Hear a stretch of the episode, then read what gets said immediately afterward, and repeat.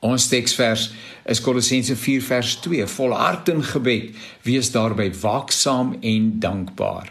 Nou in die geleesde gedeelte word gebed, waaksaamheid en dankbaarheid met mekaar in verband gebring. 'n Mens sou kon sê dat dankbare mense ook mense van gebed is.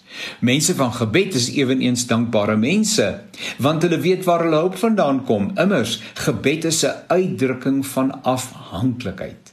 En waaksaamheid en gebed het alles met mekaar te doen. 'n Waaksame persoon beoefen gebed terwyl gebed 'n vorm van waaksaamheid is.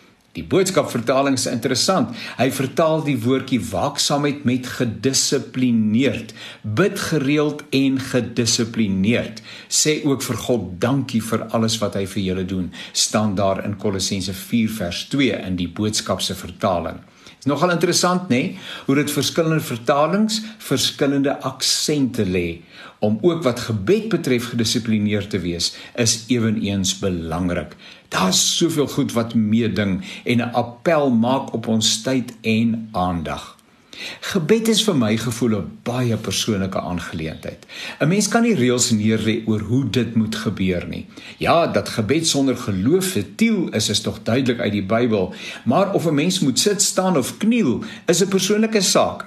Of jy in die oggend of in die aand met middagete of in 'n ander tyd geleef moet bid, is 'n persoonlike saak. Om die waarheid te sê, Paulus sê, jy moet onophoudelik bid. Gebed is 'n ingesteldheid, dit is 'n geloofshouding. Dit Dit is hoe ons ons verhouding met God beleef. Dis kommunikatief, dialogies, interaktief, twee rigting, lewendig en energiek. Gebed is die ruimte waarin 'n mens jou dankbaarheid verwoord. Jou lewe is die konkretisering van die dankbaarheid. Jou daarwees verander en hulle nood is 'n uitdrukking van dankbaarheid. So om terug te keer na waaksaamheid, die Bybel leer ons dat die duiwel soos 'n brullende leeu rondstap en op die uitkyk is vir mense vir wie hy in sy ongenaakbare kloue kan kry. Daarom sê die Bybel, gee die duiwel geen vashou kans nie. Hy is geslepe en hy weet net waar die vashou plekkie in elkeen van ons se lewens mag wees. Uiteindelik sê die Bybel, volharding is wat jy nodig het om die wil van God te doen.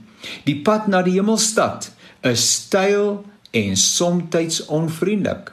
Mag ons volhard op die pad waartoe die Here ons en waarop die Here ons geroep het. Ons teksversie sê: Volhard in gebed, wees daarby waaksaam en dankbaar.